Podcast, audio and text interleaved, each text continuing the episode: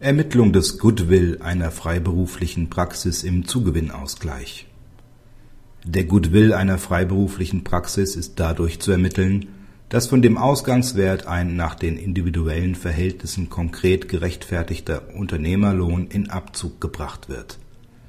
Bei der Berechnung eines Unternehmenswerts im Zugewinnausgleichsverfahren ist zunächst der Ausgangswert zu ermitteln.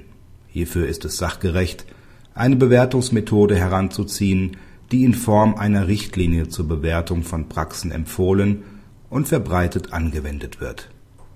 Von diesem ermittelten Wert ist zur korrekten Ermittlung des Goodwill der den individuellen Verhältnissen entsprechende Unternehmerlohn abzuziehen. Ein Abzug eines pauschalen Unternehmenslohns kommt hingegen nicht in Frage.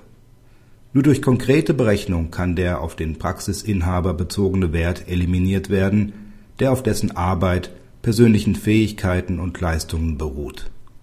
Diese Punkte sind gerade nicht auf einen Übernehmer übertragbar.